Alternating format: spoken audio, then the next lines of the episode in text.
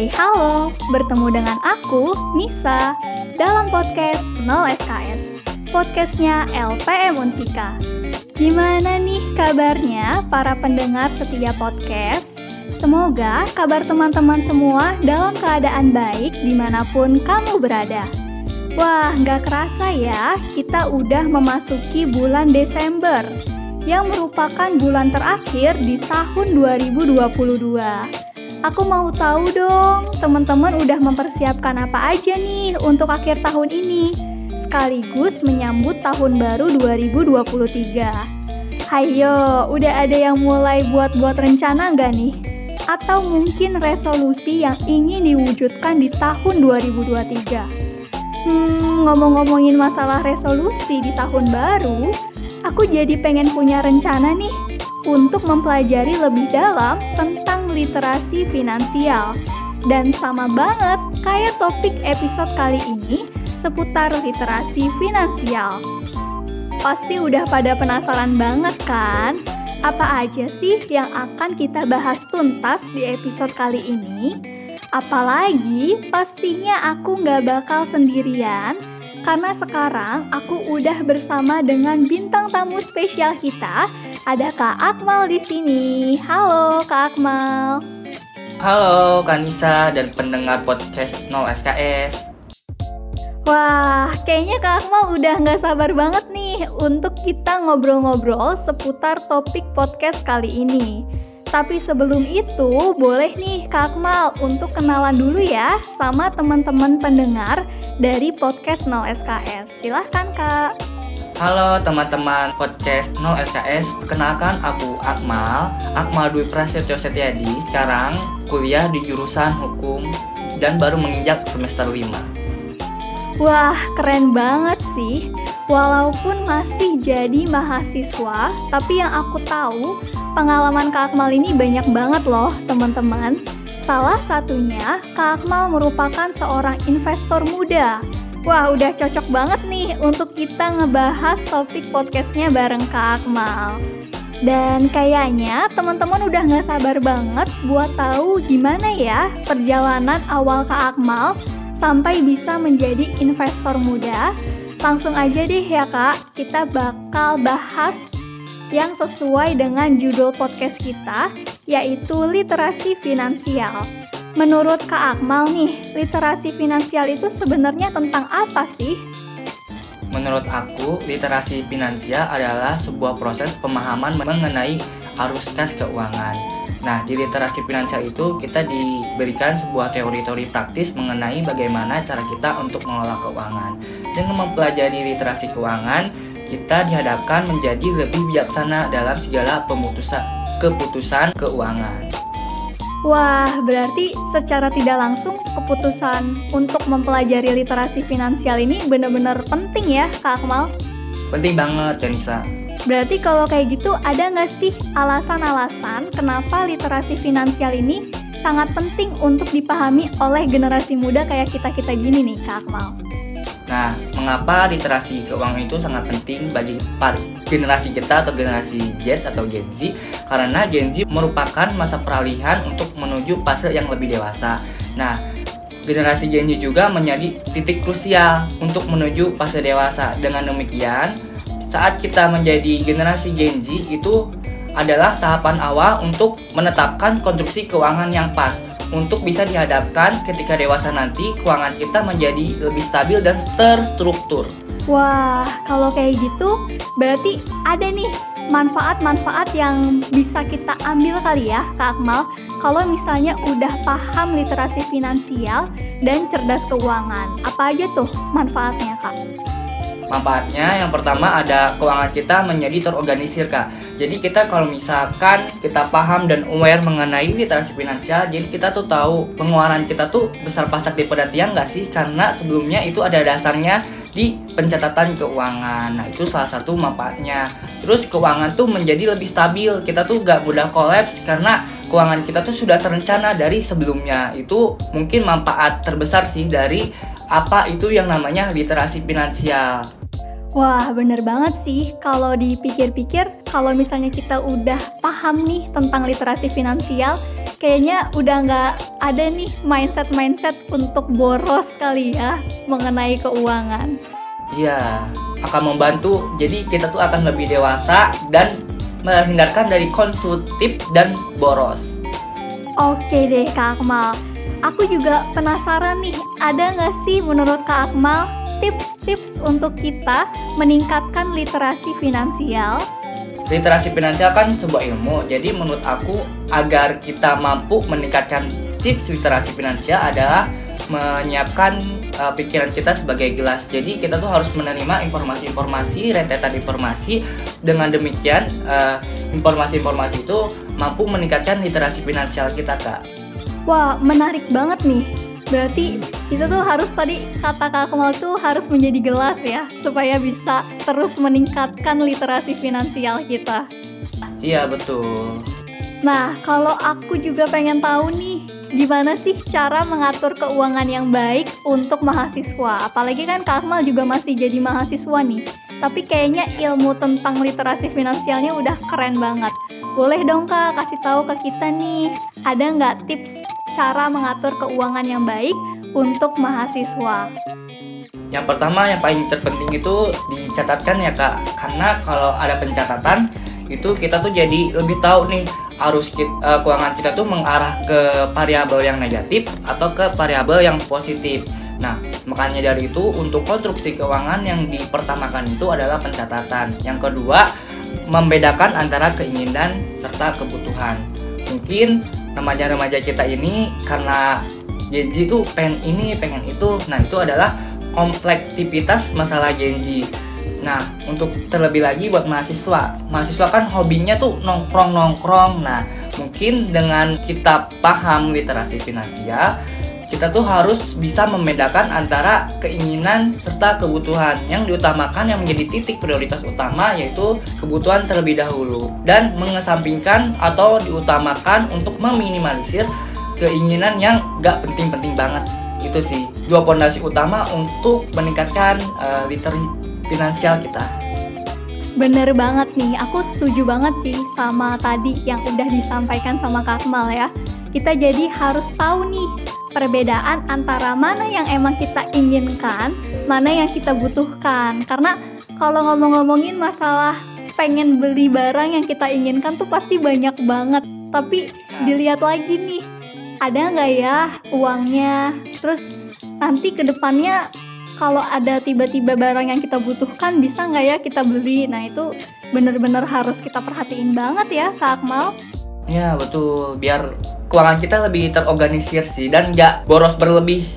Begitu kak. Benar-benar oke deh kalau misalnya tadi kita udah bahas-bahas tentang literasi finansial dan sedikit tipsnya ya mengatur keuangan ala mahasiswa sekarang kita coba beralih ke topik lain nih Kak Akmal tentang bagaimana tips melihat peluang atau gimana sih cara Kak Akmal nih dalam merencanakan karir di masa depan. Oke, kalau aku merencanakan karir tuh dalam menetapkan karir kita tuh harus mindful ya kak. Kita tuh pengen jadi apa dan seperti apa. Kadang-kadang Genji tuh punya masalah, pengen punya karir A, B, tapi dia tuh nggak tahu potensi diri sendiri. Nah kalau aku aku tuh mindfulness terhadap karir aku sendiri. Aku tahu oh jiwa aku tuh punya sedikit privilege di entrepreneurship. Maka aku kerahkan semua potensi aku di entrepreneurship. Jadi kalau misalkan dengan adanya pengenalan diri terhadap diri pribadi itu menurut aku bisa lebih menguatkan karir kita lebih lama. Karena sebelumnya kita ada kekuatan di sebelumnya. Tapi terkadang orang-orang apalagi generasi kita sekarang dalam penentuan karir tuh selalu pengen sesuatu yang lebih atau enggak. Kayak ini belum selesai atau belum sampai titik akhir. Ah mungkin aku ini gagal. Pindah ke B pindah ke C. Nah itu menurut aku dengan demikian itu malah konsentrasi karir kita malah makin buyar menurut aku sih buat para remaja-remaja terutama Gen Z dalam mendidik karir di masa depan tuh mindfulness uh, coba pikirkan dulu karir apa yang sekiranya relate buat kalian. Apakah ada pasarnya atau belum marketnya atau enggak. Nah itu masuk. Nah setelah itu ditekuni jangan mentalnya tuh di lebih kuatkan. Gitu. Jangan sampai ini baru ada cobaan sedikit ah udah ah gue nyerah pindah ke B ah setelah di B gue nyerah pindah ke C itu akan membuat konsentrasi kita buyar dan goals karir kita tuh malah akan lebih melambat. Karena itu nggak mindfulness terhadap satu bidang karir. Nggak punya pendirian istilahnya. Begitu kak. Wah, iya sih bener-bener. Karena kalau misalnya kita mau ngeliat gimana nih potensi karir kita di masa depan, kita juga harus mengukur ya bagaimana kemampuan kita, bagaimana minat kita nih, ya kan? Ya betul kak. Tadi sempat menarik nih, uh, Kak Akmal ini suka dengan bidang entrepreneur gitu kan. Tapi di awal memperkenalkan diri sebagai mahasiswa hukum. Itu gimana tuh Kak? Kenapa tiba-tiba bisa ada korelasi seperti itu? Karena menurut aku aku masih mahasiswa sih, jadi aku entrepreneur tuh belum entrepreneur seutuhnya gitu. Jadi aku masih enggan gitu kak menggunakan title itu. Aku entrepreneur tuh title yang keramat kali ya. Jadi aku tuh sangat nggak mau melabeling diri aku dulu sebagai entrepreneur karena tujuan-tujuan aku masih banyak yang belum tercapai. Jadi aku masih melabeli diri sebagai mahasiswa. Wah, oke okay deh. Ini emang bintang tamu kita suka merendah ya tapi aku lihat emang bener-bener banyak banget sih pengalaman dari Kak Akmal. Salah satunya Kak Akmal ini merupakan seorang investor muda ya. Kalau boleh tahu nih Kak Akmal gimana sih pengalaman awalnya ketika Kak Akmal ini memutuskan untuk coba-coba deh untuk menjadi investor muda? Itu kayak gimana sih Kak?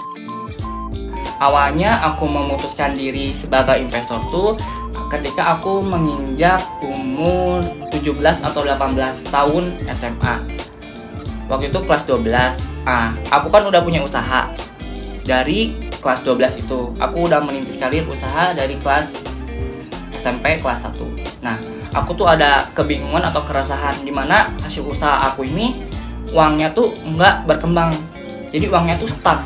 Kalau nggak berkembang itu kan akan dikalahkan oleh inflasi ya kak inflasi 4%. Terus kalau uang kita tidak dialokasikan ke instrumen investasi yang lebih dari inflasi 4%, itu uang kita bakal menyusut. Nah, dari keresahan itu aku mulai mikir gimana ya bagi cara ada free cash flow nih kas kas kas yang tersedia dari hasil bisnis aku agar terus berkembang. Nah, aku pikir nih, aku belajar, belajar, belajar, belajar, belajar, dan aku ke trigger dan di salah satu buku yang bernama uh, Rich Dad Poor Dad dari Robert T. Kiyosaki. Di buku itu menjelaskan bahwa orang kaya itu tidak selamanya bekerja, tapi ada uang yang bekerja saat mereka tidur. Nah, saat itu aku ke trigger, oh iya ya, mungkin kas kosong dari hasil usaha aku bisa aku diaplikasikan ke instrumen investasi di mana dengan aku tidur sekalipun uang akan terus bekerja untuk kita. Nah, maka dari itu dari uang hasil uh, hasil usahaku dari SMP sampai SMA itu aku pindahkan ke instrumen investasi kak biar uangnya itu yang terpenting tidak tergerus inflasi dan terus growth. Wah, bener-bener nih tadi keren banget ya. Jadi ada uang yang bekerja walaupun kita tidur. Berarti kurang lebih itu adalah konsep investasi tuh seperti itu ya, Kak Akmal? Iya, betul. Jadi investasi itu nggak saya beli sekarang dijual besok. Enggak tapi investasi itu membutuhkan time frame waktu yang panjang. Nggak nggak bisa langsung dijual. Nggak bisa. Jadi kalau investasi itu kita harus time frame-nya panjang minimal lima tahun. Dan dana itu akan menjadi besar besar besar besar besar atas hasil dari compounding effect. Keren banget sih. Masih muda tapi ilmu mengenai investasinya tuh udah kayak wah dalam banget nih. Nah Aku juga pengen tahu nih dan pastinya teman-teman dari pendengar podcast 0 SKS juga pengen tahu nih. Ada nggak sih Kak Akmal suka dan duka ketika pertama kali Kak Akmal memutuskan untuk berinvestasi? Sukanya uh, dari dukanya dulu aja kali ya. Waktu dukanya itu waktu pertama kali aku masuk ke industri pasar modal itu waktu covidnya lagi tinggi-tingginya ya. Waktu itu tuh kan 2020 aku masuk dan ternyata kita dihajar covid oh iya iya dengan adanya COVID, makroekonomi kita kan turun. Seluruh dunia tuh mengalami ke bukan keruntuhan sih, tapi ada penurunan dari nilai perekonomian makro dari semua negara. Nah, aku tuh terdampak kak dari penurunan ekonomi makro tersebut. Tapi dengan begitu aku tidak melabeli itu sebagai kejadi aku pulang aja nggak mau jadi investor. Tidak. Aku memanfaatkan penurunan ekonomi di awal aku investasi untuk membeli saham-saham di harga yang terbaik di emiten dan saham yang terbaik seperti banking. Banking kita kan sudah teruji dan terukur tahan dari krisis 1998 atau apa aku lupa sih tahun spesifiknya. Nah, aku menemukan emiten atau perusahaan terbuka yang fundamentalnya bagus tapi di harga termurah. Aku cuma temuin di 2020. Begitu. Di balik adanya penurunan ekonomi internasional, aku dapat sebuah opportunity di mana aku dapat harga saham yang murah yang bisa aku invest. Berarti Bagaimana tuh cara Kak Akmal untuk bisa melihat peluang walaupun ekonomi itu kan sedang memburuk ketika pandemi COVID-19. Tapi Kak Akmal bisa melihat peluang untuk jangan mundur deh dalam investasi ini. Itu caranya gimana sih Kak? Ya karena aku kan melihat di ada emiten bagus dari banking BUMN ya aku sebut jangan sebut perusahaannya deh takutnya nanti pom pom atau apa. aku melihat ini tuh perusahaannya tuh bagus tapi fundamentalnya itu bagus laporan keuangan terus melaju. Dia itu tahan krisis di tahun-tahun lalu tapi harganya itu lebih rendah daripada harga modal atau di saham tuh harga intrinsiknya lah. Nah di saat itu aku menemukan peluang nih kapan lagi aku nemuin saham harganya hampir setara dengan nilai intrinsiknya atau nilai modalnya. Nah dari itu aku masuk ke ke saham tersebut dan sampai sekarang aku pegang belum interest. Sekarang harganya udah naik sekitar 70% dari aku pegang 2020 aku masih memegang prinsip pen, uh, penuh bahwasanya aku gak bakal aku ambil sebelum lima tahun ke atas karena baru sekitar 2 sampai 3 tahun lah aku pegang emiten. Wah, keren banget sih. Nah, tadi kan uh, aku sempat motong di tengah-tengah nih ya, Kak boleh nih dilanjutin lagi. Tadi udah cerita mengenai dukanya ketika pertama kali berinvestasi. Nah, sukanya nih Kak Akmal apa aja sih? Kalau sukanya, kalau misalkan jadi investor itu kita sering dibawa ke rapat umum pemegang saham. Nah di rapat umum pemegang saham itu setiap investor tuh nanti dapat selembaran buat diajakin rapat besar gitu. Aku pernah diajakin ke Bukit Asam yang waktu itu di hotel apa ya aku lupa Mangkuluhur di Jakarta. Jadi kita tuh pas RUPS tuh kita tuh rapat mengenai hal-hal apa yang terjadi di perusahaan tersebut kayak laporan keuangannya itu baik atau enggak, terus manajerialnya diganti atau enggak, terus prospek perusahaan ke depannya di mana. Jadi kita sebagai investor tuh diturut andilkan dalam keputusan perusahaan ke depannya. Nah pasti kalau misalkan RUPS itu tuh kita diagendakan di hotel-hotel yang lumayan bagus lah. Aku suka banget. Terus di samping kita dihadiri dan diikutsertakan untuk langkah keputusan perusahaan ke depannya kita juga abis Europees itu pasti dikasih souvenir kak. Souvenir itu pasti banyak mulai dari tas terus makanan juga disediain makan siang pokok dan lain-lain. Itu sih sukanya. Dan yang kedua ada dividen. Selain ada untung dari uh, selisih antara harga jual dan beli misalkan harga beli kita 2200 harga jual 3000 itu kan disebut sebagai capital gain atau selisih antara harga jual dan harga beli. Nah, ada juga dividen. Dividen itu pembagian laba perusahaan. Jadi di Arupas itu biasanya diumumin nih berapa laba kita dan berapa laba yang kita akan bagikan kepada investor. Nah, jadi sebagai investor itu kita dapat dua keuntungan. Yang pertama dari capital gain atau dividen. Dividen ini tergantung dari perolehan laba perusahaan dan mau dibagikan berapa. Aku beruntung banget aku dapat dividen di perusahaan plat merah batubara yang dividennya yang memberikan dividennya tuh loyal sampai di atas 90%. Oke, wah jadi kayaknya teman-teman dari podcast 0 SKS setelah mendengarkan ini pengen langsung dicoba nih gimana ya tadi tips-tips mengenai investasi dari Kak Akmal. Kalau gitu, tadi kan aku juga sempat singgung mengenai tips kali ya. Nah, coba aku pengen tahu juga dong tips apa aja nih yang harus diketahui pemula kayak aku gini kali ya mengenai investasi nih, Kak Akmal. Oke, jadi kalau misalkan mau terjun ke pasar modal tuh kita harus tahu profil resiko kita. Profil resiko kita tuh mau konservatif atau agresif. Kalau konservatif tuh cenderung agak santai, kita main yang aman-aman di perusahaan yang bener-bener udah tinggi, yang udah kelihatan kapabilitasnya. Seperti BRI atau banking-banking lain atau brand besar seperti Unilever, Indomie atau sebagainya. Atau mau sebagai agresif kita investor di perusahaan-perusahaan yang baru atau yang baru-baru bertumbuh. Biasanya kalau perusahaan yang baru bertumbuh itu growth-nya lebih besar. Cuman di balik itu ada resiko yang lebih besar juga, resiko likuidasi, resiko menjadi go private kembali atau apa pun itu. Tapi kalau mis aku sih sampai sekarang milihnya konservatif karena aku nggak terlalu greedy-greedy amat pengen untung besar di sebuah emiten. Aku cukup kayak yang penting uang aku aman dan growth, makanya aku berlindung sebagai investor yang konservatif. Tapi kalau misalkan pengen lebih konservatif, bisa main, bisa investor, bisa investasi di reksadana. Di mana dengan di reksadana dana kita tuh akan dikelola oleh yang namanya manajer investasi. Jadi kita cukup storkan dana berapa puluh rupiah atau ratus atau juta nanti manajer investasi yang mengelola. Gitu kak. Berarti kalau kayak gitu untuk pemula-pemula kayak aku dan mungkin teman-teman yang ada di luar sana itu lebih baik memilih apa nih Kak untuk memulai investasi?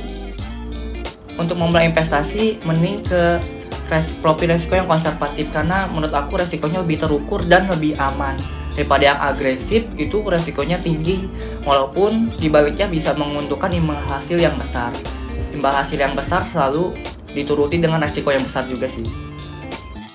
Oke, tapi kan ya kalau misalnya ngomongin tentang investasi itu ada banyak banget ya jenis-jenisnya. Kalau nggak salah yang aku tahu kayak ada saham, reksadana, dan lain sebagainya. Kalau menurut Kak Akmal nih, untuk pemula-pemula kayak gitu lebih baik memilih yang jenis investasi yang mana? Kalau pemula aku dulu sebelum saham aku di reksadana terlebih dahulu sih kak sambil aku belajar saham tuh sekitar satu tahun lebih baca buku baca terus lihat konten-konten YouTube ikut kelas tuh aku nginiin apa mengalokasikan dana aku tuh di reksadana terlebih dahulu. Sebelum aku pas dan aku yakin bahwa aku udah bisa aku baru ke saham. Karena di reksadana tuh benar-benar aman. Itu manajer investasi yang mengelola uang kita. Jadi kalau saham kan kita yang menjadi pilot atas keuangan kita. Tapi kalau reksadana itu ada sebuah manajer investasi yang mengelola uang kita. Jadi si manajer investasi itu dapat fee dari total yang kita titip ke manajer investasi tersebut. Oke, berarti udah bisa diambil juga nih teman-teman kalau misalnya mau memulai pertama kali investasi nyoba-nyoba teman-teman bisa cobain tips dari Kak Akmal tadi ya boleh ke reksadana dulu, baru pelajarin dulu nih untuk bisa teman-teman investasi di saham. Karena yang aku dengerin dari tadi nih, perjalanan Kak Akmal untuk bisa benar-benar menjadi seorang investor muda yang ilmunya luar biasa nih panjang ya. Tadi setahun dulu belajar, baca-baca buku, ikutan kelas dan juga nonton-nonton konten yang ada di media sosial. Wah, benar-benar effort banget sih Kak Akmal untuk bisa mempelajari bagaimana cara menjadi investor dan mungkin juga sedikit banyak belajar mengenai literasi finansial ya Kak Akmal. Iya betul Kak, karena itu saling terintegrasi dan terkorelasi antara investasi dan literasi finansial. Oke, balik lagi nih berarti tadi mengenai literasi finansial. Gimana sih caranya nih Kak Akmal untuk kita memulai mempelajari literasi finansial karena mungkin ada yang masih bingung langkah pertama kita untuk mempelajari literasi finansial ini dari mana ya? Langkah kita mulai dari belajar terlebih dahulu kali ya karena kalau langsung berandaskan aksi takutnya tidak ada landasan-landasan untuk bergerak selanjutnya. Mungkin dari aku buat pengen yang pengen konsentrasi untuk belajar literasi finansial itu bisa dari belajar belajarnya pakai media apa sekarang banyak YouTube YouTube atau TikTok mengenai edukasi finansial. Nah kita bisa mengkolaborasikan itu menjadi wawasan terbaru tentang literasi finansial kita kak. Menurut aku sekarang di zaman teknologi yang semakin canggih kita tuh bisa mengakses semua hal yang kita mau. Cuman yang jadi pertanyaan kita mau nggak nih belajar? Jadi kalau mau belajar literasi finansial bisa dimulai dari belajar terlebih dahulu. Bisa bisa dari YouTube atau Instagram atau TikTok ketik aja. Pasti ada. Sekarang udah banyak banget konten creator yang membahas dan berkonsentrasi di literasi keuangan. Gitu. Oke, aku setuju banget sih kalau misalnya emang teman-teman niat nih untuk mempelajari literasi finansial, itu ada banyak banget medianya, aksesnya, apalagi sekarang konten-konten di media sosial itu udah semakin berkembang ya. Dari mulai A sampai dengan Z itu teman-teman bisa menemukannya di media sosial. Jadi boleh nih dipakai sarannya dan juga tipsnya kalau teman-teman mau memulai mempelajari literasi finansial, boleh cari yang paling mudah dulu nih di media sosial, TikTok atau mungkin YouTube ya, Kak Akmal. Ya, bisa banget. Oke, tanpa terasa nih teman-teman, waktu ngobrol kita sama Kak Akmal udah habis aja. Ternyata seseru itu ya ngobrolin seputar literasi finansial. Baiklah, untuk mengakhiri obrolan kita hari ini, boleh nih kepada Kak Akmal untuk memberikan sedikit closing statement buat teman-teman pendengar podcast 0 SKS. Silahkan Kak Akmal. Untuk teman-teman podcast 0 SKS, aku cuma mau bilang kalau kalian mau belajar literasi finansial itu kalian bisa di mana aja dan dilakukan di mana saja. Itu bisa sekarang semua terintegrasi di internet. Nah, buat yang pengen saham, marilah belajar bersama orang-orang yang sukses ataupun orang-orang yang berhasil adalah orang-orang yang mengakumulasikan ilmu-ilmunya di masa lalu. Jadi kalau orang yang mau berhasil itu harus bersedia mengumpulkan ilmu biar menjadi lebih tinggi dan akhirnya sampai di titik finish. Gitu. Jadi aku titip buat teman-teman untuk selalu bersedia mengosongkan isi pikirannya seperti gelas untuk bisa mengakumulasi akumulasi ilmu terutama di ilmu literasi finansial. Keren banget nih. Wah, jadi dapat ilmu baru ya setelah mendengarkan podcast No SKS episode kali ini. Oke, kalau gitu sekali lagi aku ucapkan terima kasih banyak kepada bintang tamu spesial kita kali ini. Sukses selalu ya, Kak Akmal. Sukses juga buat Kanisa dan teman-teman podcast 0 SKS. Oke deh. Nah, teman-teman, akhirnya kita harus berpisah di sini. Terima kasih banyak buat teman-teman yang sudah mendengarkan. Aku mohon maaf bila ada kesalahan kata dan jangan lupa untuk dengarkan semua episode menarik yang ada di podcast 0 SKS. Sampai jumpa lagi di episode selanjutnya. Dah.